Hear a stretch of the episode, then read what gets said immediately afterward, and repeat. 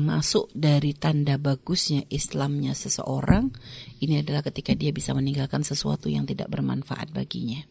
Dan ini tuh hadis ini pendek ya, tapi maknanya dalam.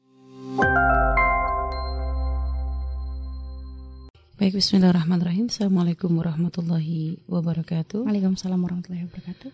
Pada pembahasan kita kali ini, gitu ya, Mhm. artinya kita akan mengambil satu tema tentang waktu, gitu ya, Mhm. yang memang di dalam Islam sendiri masalah waktu itu ya artinya dunia sebentar saja, akhirat sebentar lagi, gitu ya. Mhm. Ya artinya di sini kan maknanya adalah bagaimana kita mengisi hari-hari kita di dunia yang sebentar ini Mhm. Untuk bekal hidup kita yang jangka, yang nanti yang abadi. Mhm. Ya, jadi memang hidup yang abadi itu bukan sekarang, Ya. tapi nanti. Mhm. Makanya dunia yang sesaat ini adalah bagaimana kita bisa mengisi hari-hari yang kita lewati di dunia yang sesaat ini Mhm. untuk menjadikan hidup kita yang abadi nanti akan merasakan banyak kebaikan dan kenikmatan. Ya. Dan sebenarnya kayak orang sekarang kalau kita melihat kenapa ada orang kadang kerja keras di masa mudanya Mhm. dengan harapan nanti di masa tuanya dia bisa merasakan kenyamanan kan gitu. Mhm. Walaupun tidak sedikit juga ada orang yang dari masa muda dia capek kerja keras mencari rizki Mhm. sampai tua juga nggak bisa menikmati. Iya. Ada karena memang ya dunia itu seperti itu unik gitu ya. Kalau kita mengejar dunia gitu ya, mencari kes mencari mengejar dunia untuk kebahagiaan yang abadi ya nggak bisa. Mhm. Karena kadang berapa banyak ada orang yang subhanallah dia mengumpulkan kekayaannya dengan susah payah Mhm. ternyata setelah itu tidak bisa menikmatinya yang menikmatinya adalah generasi berikutnya Iya. nah itulah makanya ini sebenarnya yang akan kita bahas pada kali ini tuh seperti apa sih kita itu mengisi hari-hari kita di dunia supaya kita tidak menjadi orang yang merugi kan Mhm. gitu Iya. makanya di dalam Al-Quran sendiri kan sudah dibahas eh, tentang bagaimana di dalam salah satu firman Allah Subhanahu wa taala gitu ya. Allah menyebutkan wal asri. Iya. Innal insana lafi khusrin illa alladziina amanu wa 'amilus solihati wa tawassaw bil haqqi wa tawassaw bis sabr. Di situ Allah ada kosam di situ ya. Mhm. Kosam tuh kayak sumpah gitu ya. Di situ Allah menyebutkan demi masa. Wal asr itu demi masa. Mhm. Lalu di dalam firman Allah itu pun dilanjut demi masa wal asri innal insana lafi khusrin. Mhm. Sesungguhnya manusia itu benar-benar di dalam kerugian. Ya. Nah, setelah Allah menyebutkan tentang masa, lalu Allah memberikan warning atau memberikan mem- menyampaikan eh, dalam firman-Nya dilanjutkan bahwa manusia itu sesungguhnya berada di dalam kerugian. Mhm. Yang sebenarnya maknanya di sini adalah ini adalah karena Allah yang menciptakan kita, Allah tahu kan ya semua apa yang terjadi pada diri kita. Artinya berapa banyak di sini orang eh, makna secara umumnya dengan waktunya yang terbatas di dunia, Mhm. tapi ternyata mereka tidak memanfaatkan dengan sebaik-baiknya. Makanya makna rugi di sini yaitu kerugian dalam makna artinya apa? Berapa banyak orang dengan waktu yang terbatas dikasih waktu tempo yang terbatas tapi tidak memanfaatkan dengan sebaik-baiknya malah melakukan hal-hal yang menjadikan dia itu akan capek selamanya. Ya kan orang yang tidak cerdas gitu ya. Makanya ini disebut demi masa sesungguhnya orang itu manusia itu berada dalam kerugian. Mhm. Tapi di sini Allah membuat pengecualian pada ayat berikutnya. Wal asri innal insana fi khusrin. Terus illal ladzi na'amanu wa amilu solihat. Tapi ada pengecualian. Orang yang tidak merugi itu ada. Di antara manusia-manusia yang banyak merugi ini ada orang-orang yang ternyata dengan waktunya yang terbatas dia tidak mengalami kerugian. Siapa mereka? Illal alladzina amanu wa amilus solihat yaitu orang-orang yang beriman ya orang-orang yang beriman dan beramal soleh Hmm. maksudnya orang beriman gimana orang yang kenal Allah orang yang tidak akan meninggalkan Allah untuk dunia Hmm. orang yang tidak akan meninggalkan kewajibannya untuk dunia Hmm.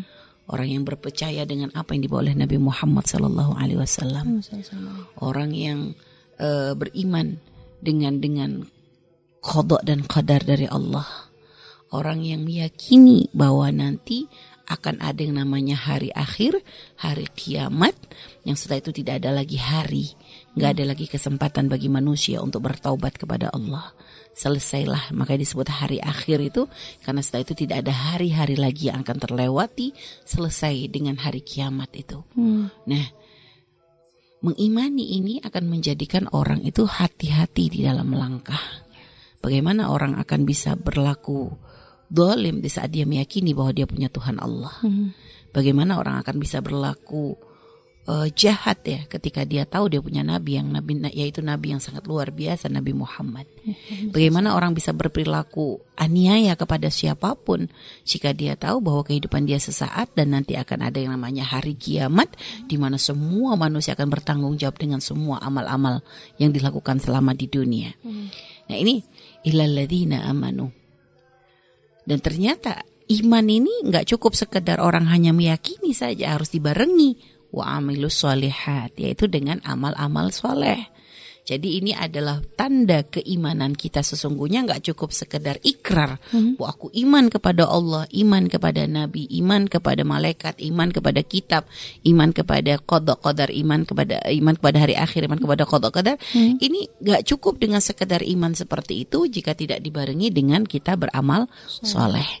Makanya di sini Allah tidak meninggalkan dua perkara ini, yaitu orang yang tidak akan merugi ya dengan masa yang sesaat ini adalah orang-orang yang eh, mereka yang beriman mem- mempunyai keimanan di dalam hatinya, lalu dilanjut dibuktikan keimanannya dengan perilakunya yang baik, dengan perilakunya yang soleh, karena dia tahu apa yang dia lakukannya semuanya akan menuai hasil nanti di akhirat, gitu lah.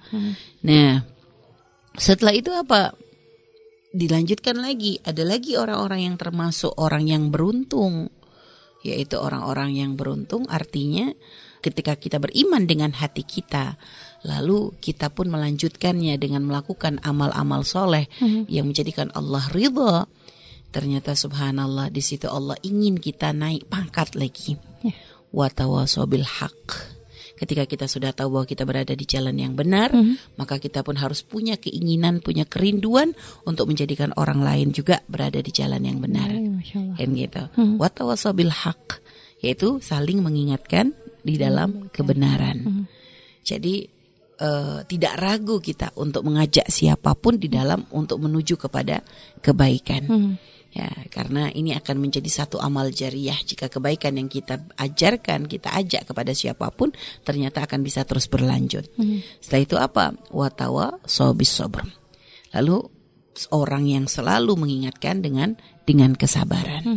Nah, sabar sendiri ini adalah luar biasa. Artinya di dalam di dalam eh, di dalam hidup kita ya.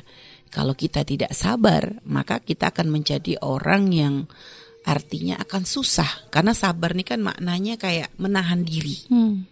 Makanya tingkat sabar yang tertinggi itu kalau menurut Imam Ghazali sabar untuk menjauhkan diri dari maksiat. Hmm. Nah, sabar untuk menjauhkan diri dari itu tingkat sabar tertinggi, bukan sabar dari musibah. Enggak, itu malah yang terendah. Allah. Jadi sabar untuk menjauhkan diri dari kemaksiat itu tingkatan sabar yang tertinggi. Kenapa ini paling berat? Hmm. Karena bertentangan dengan hawa nafsu kita. Ya. Ya, bertentangan dengan hawa nafsu kita sehingga menjadikan kadang kita itu untuk meninggalkan kemaksiatan tuh hawa nafsunya ngajakin terus. Hmm. Gitu loh. Hawa nafsu tuh selalu memang senang dengan sesuatu yang memang menjadikan kita tuh jauh dari Allah. Hmm. Nah, makanya kan perang yang paling hebat tuh bukan perang melawan orang-orang kafir, perang mukhalafatul hawa ini loh. Melawan hawa nafsu kita ini loh yang selalu mengajak kita untuk untuk hal-hal yang yang asyik gitu ya, ya yang hal-hal yang tapi ternyata di situ ada murka Allah kan gitu. ya. Watawasau bis sabar. Jadi menahan diri untuk bisa sabar dalam menjauhkan diri dari kemaksiatan, menahan diri untuk bisa yaitu tadi sabar dalam menjalankan perintah-perintah Allah. Di saat banyak orang sudah mulai meninggalkan perintah Allah, kita tetap bisa bersabar melakukan itu semuanya. Nah, jadi dari firman Allah ini sebenarnya sudah sangat sudah bisa menjadi jawaban bagaimana agar kita ini di dalam hidup kita ini yang sesaat ini kita harus punya persiapan eh, yang matang agar kita bisa punya bekal untuk hidup kita yang abadi. Ya, Masya Allah. Setelah itu apa? Setelah itu mungkin di sini kita harus punya cara-cara bagaimana agar kita itu bisa memanage, mengatur waktu, artinya memanfaatkan waktu yang sesaat ini dengan dengan cara yang bijak gitu ya, Eh, supaya ya itu tadi jangan sampai waktu terlewatkan, kita nggak sadar, tiba-tiba subhanallah badan kita yang awalnya sehat berubah menjadi lebih lemah. Otak kita yang masih fresh akhirnya sudah mulai berubah menjadi sering lupa. Iya. Jangan sampai ibaratnya kita tuh nggak menyadari bahwa karena karena kondisi manusia tuh subhanallah kan diciptakan oleh Allah tuh kan eh, unik ya. Artinya benar-benar luar biasa. Dari mulai kita nggak bisa apa-apa. Lalu kita belajar untuk bisa. Lalu kita berada di puncaknya bisa. Setelah itu mulai kita semakin melemah. Sampai akhirnya kita menjadi tidak bisa lagi apa-apa. Sampai akhirnya nanti kita menghadap Allah. Loh kan fasenya itu. Artinya orang tuh kalau memahami coba merenungkan itu semua coba dari kita nggak bisa sampai kita ke puncaknya bisa sampai kita kembali lagi ke tidak bisa. Loh artinya berarti masa bisanya kita tuh masa yang paling pendek kan gitu. Masa kita mampu diberi kemampuan oleh Allah dengan kesehatan dengan akal yang cerdas dengan ini semuanya itu masa yang paling pendek dari semua fase-fase yang lain. Harusnya kan begitu ya umumnya ya. Ah, jadi eh, kalau kalau dipakai kurva gitu ya ini jadi dari bawah naik turun lagi ke bawah kan gitu ya. artinya berarti naiknya itu cuma sebentar kan gitu naiknya tuh cuma sebentar. Loh berarti sebentar ini kalau sampai kita nggak manfaatin benar-benar lo kan ujung-ujungnya ya gitu gitu loh. Akhirnya dapetnya cuma capek gitu kan.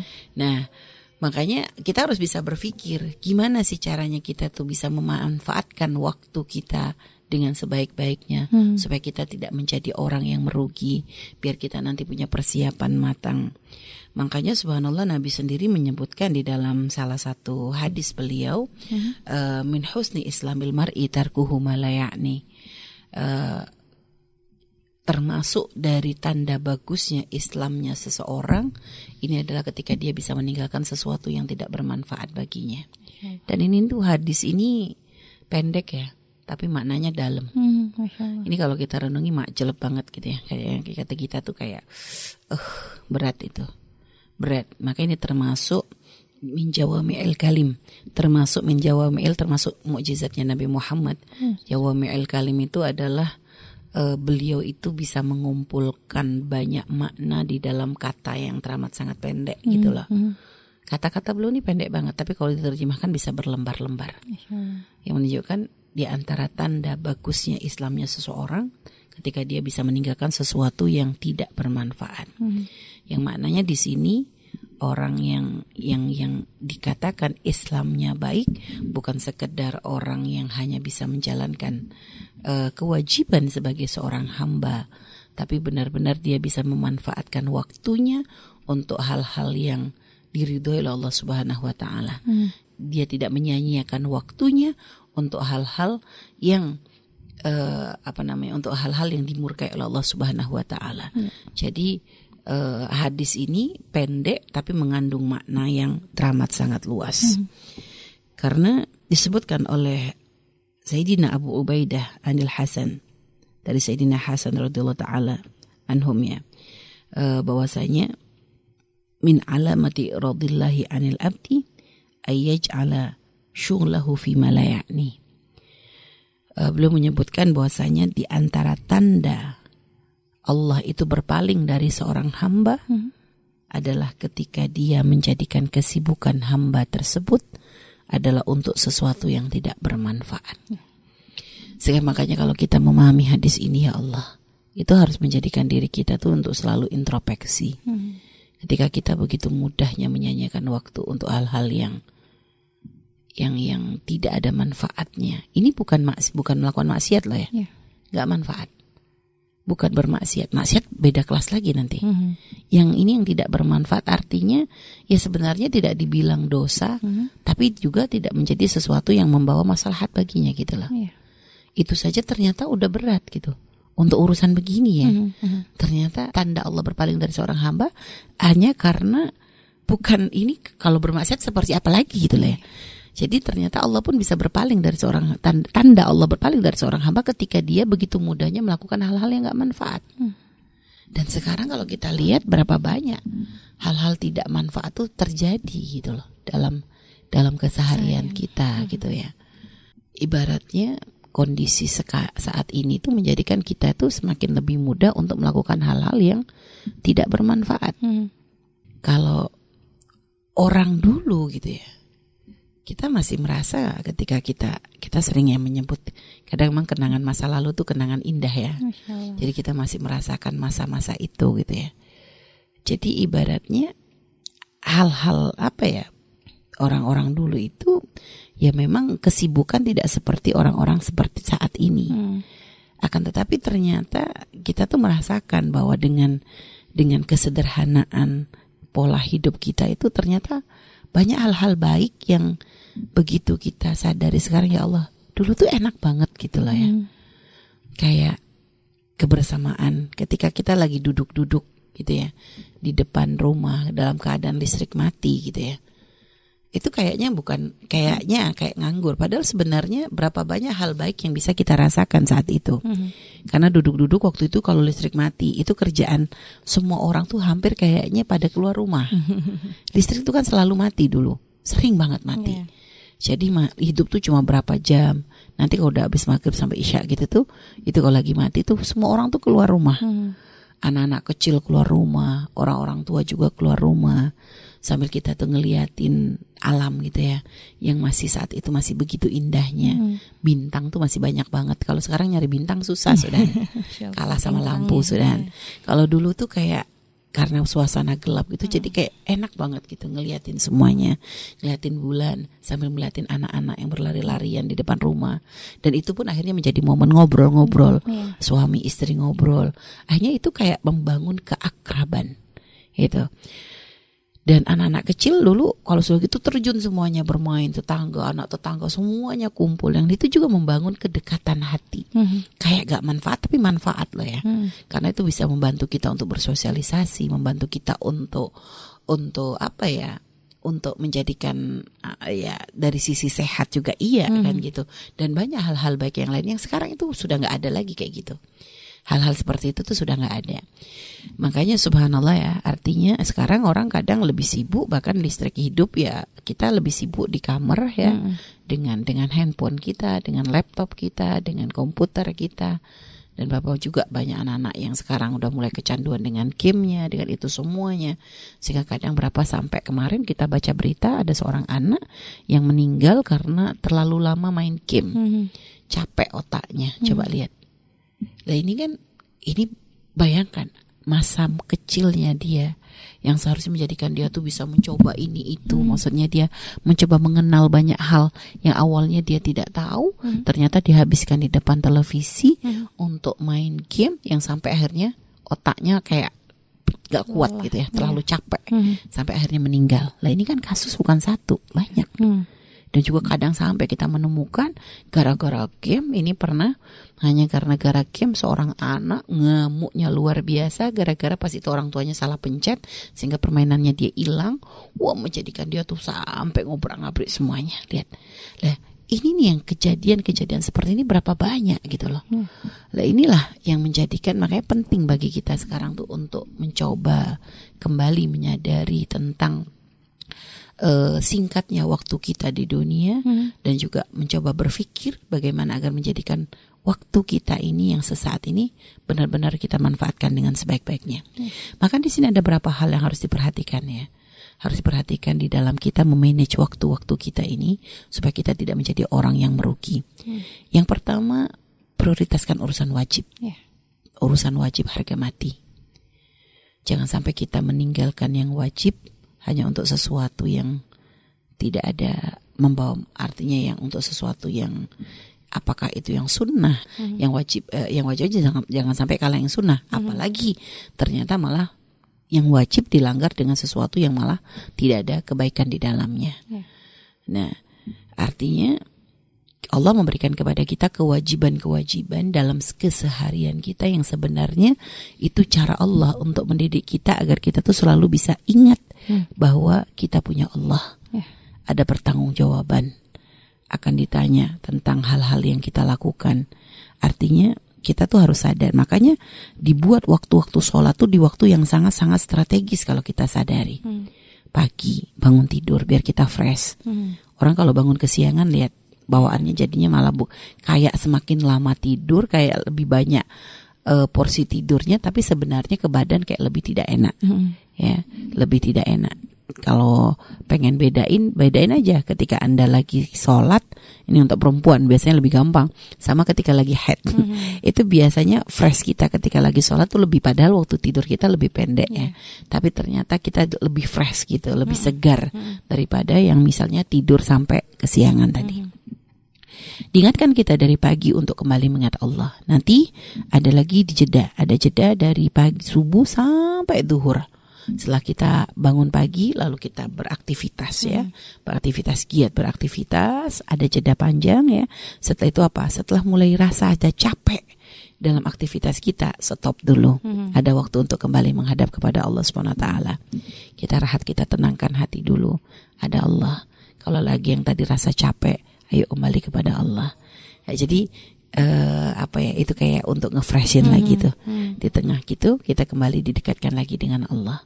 Setelah itu apa mulai nanti setelah itu mungkin apakah aktivitas lagi ataukah mungkin ya istirahat secukupnya atau gimana nanti setelah itu apa menjelang asar pergantian waktu hmm. dari siang menuju ke sore hmm. gitu ya yeah. kita diingatkan kembali untuk kembali menghadap kepada Allah Subhanahu wa hmm. taala hmm.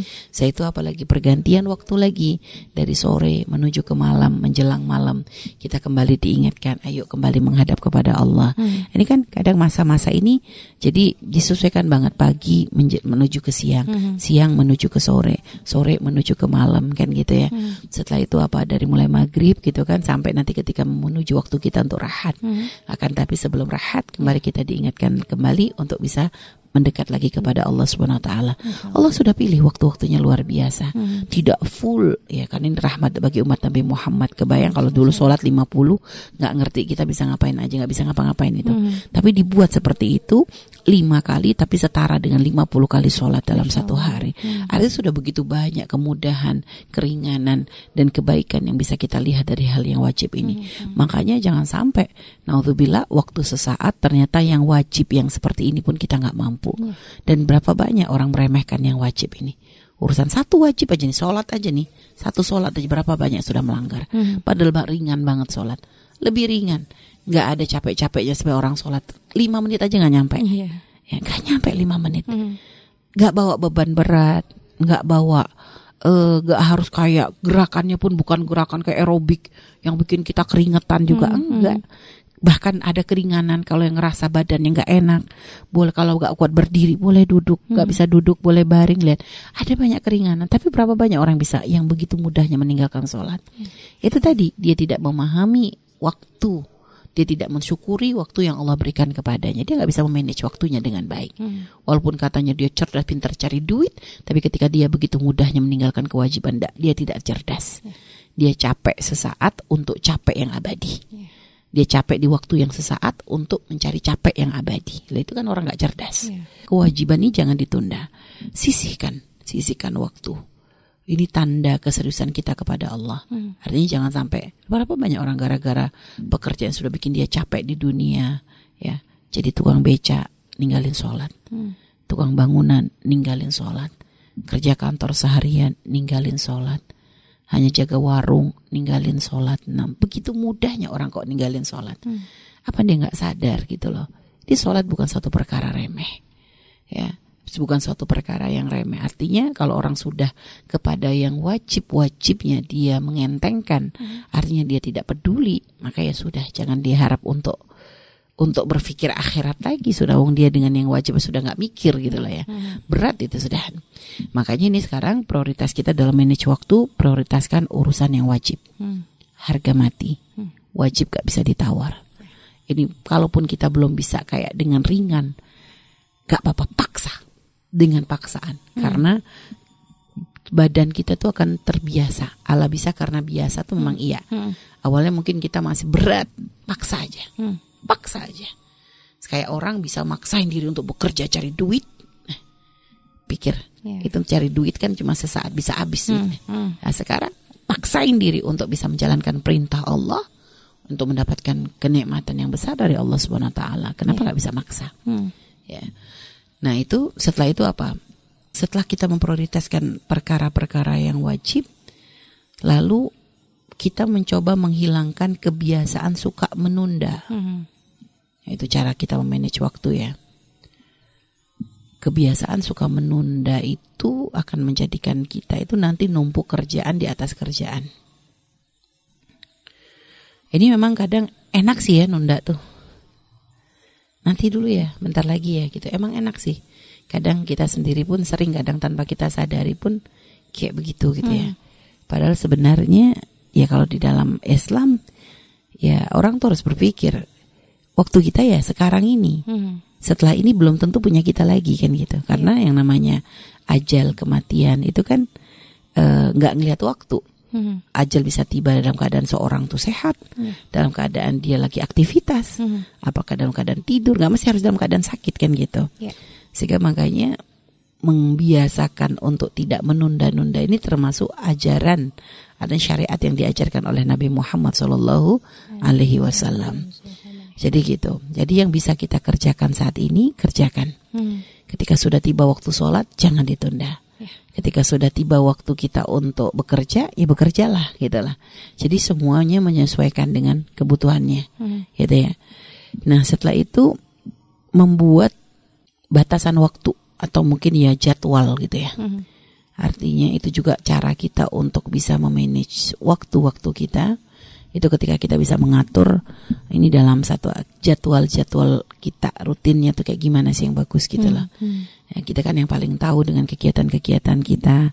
Kalau Anda sebagai seorang pelajar, oh jam segini kita bangun, Hmm. jam segini kita nanti untuk mulai apakah mulai aktivitas membantu ibu masak atau apa. Hmm. Habis itu nanti jam segini sekolah, jam segini pulang, jam segini belajar. Jadi diatur seperti itu akan membantu kita tuh benar-benar memanfaatkan waktu sebaik-baiknya. Ya. Supaya jangan sampai kita me- melewati hari ini dengan hal-hal yang kurang manfaat. Hmm. Jadi kita memanage waktu itu dengan cara eh, mengatur pola hidup ya, mengatur jadwal Ya. keseharian kita Mhm. supaya nanti menjadi benar-benar hari-hari kita tuh hari yang bermanfaat.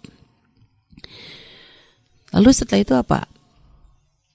Kurangi santai yang berlebih ya. Boleh santai.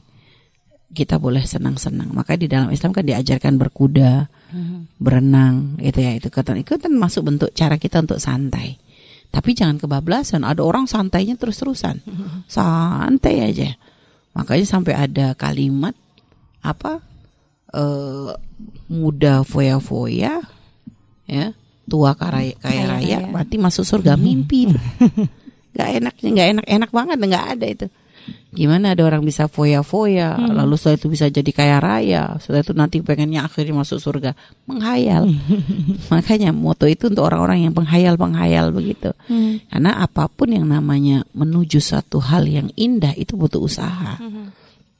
Ya, menjadikan untuk mendapatkan sesuatu yang luar biasa itu butuh usaha keras. Dan surga itu adalah sesuatu yang mahal, bukan murahan. Jadi hanya diberikan untuk orang-orang pilihan. Sehingga makanya ya jangan jangan berhayal terlalu ini deh gitu.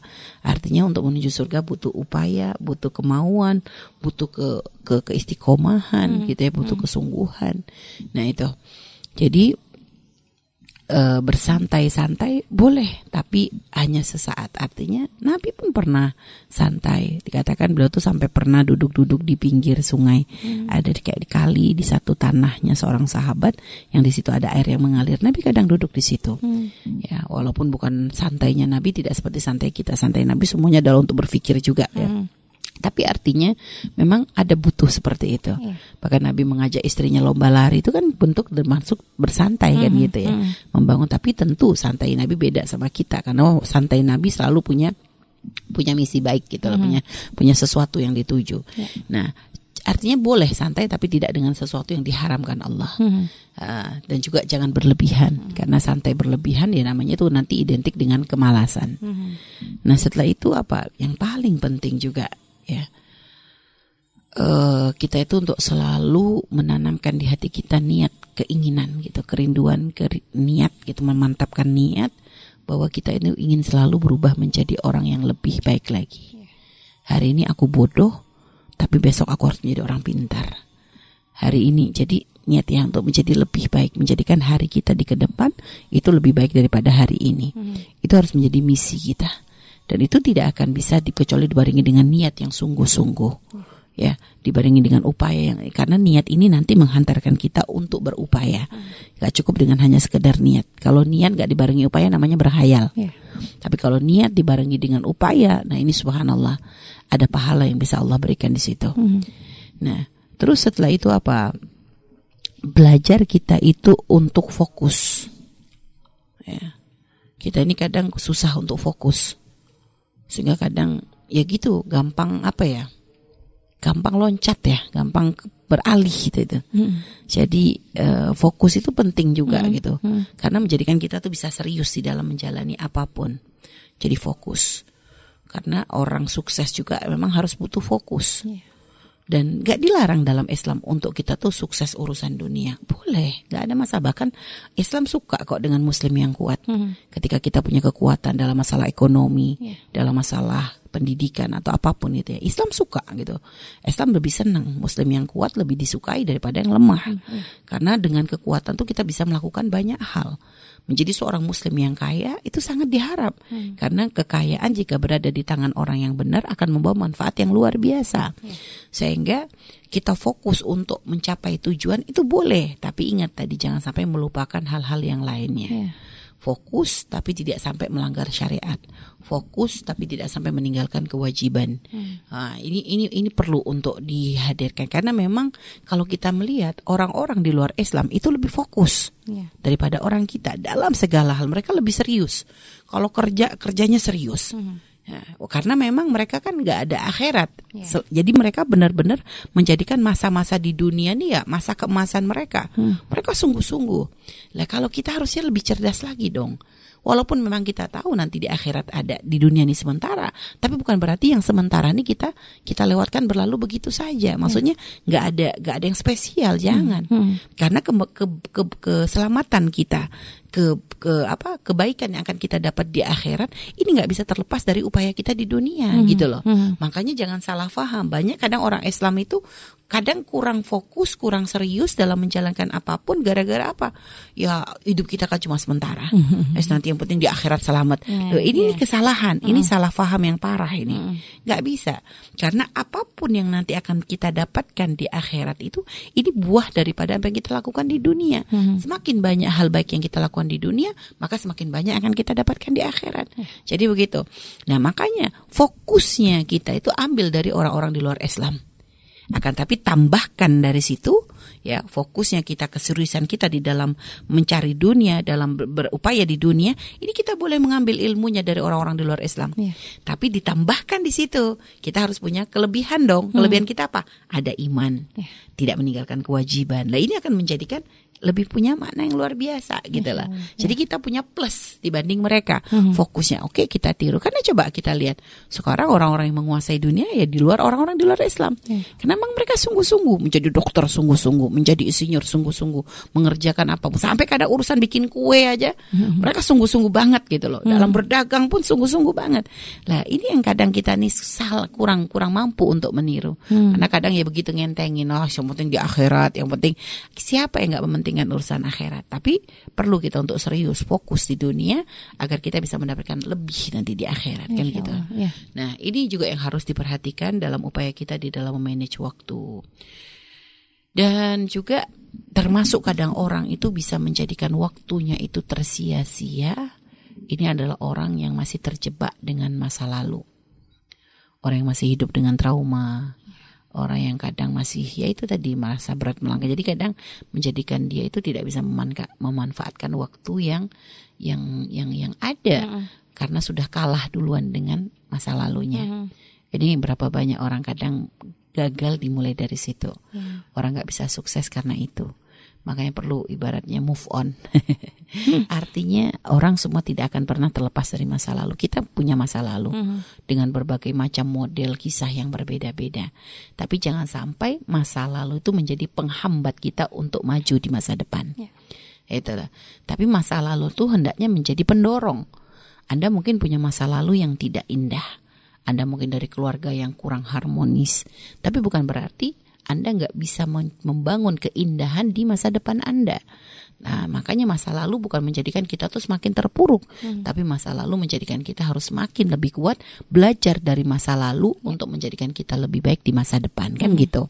Nah, jadi jangan sampai kita eh, terpuruk dengan masa lalu lalu menjadikan kita nggak bisa melangkah di apa di masa depan kita. Ini berarti kebodohan kita.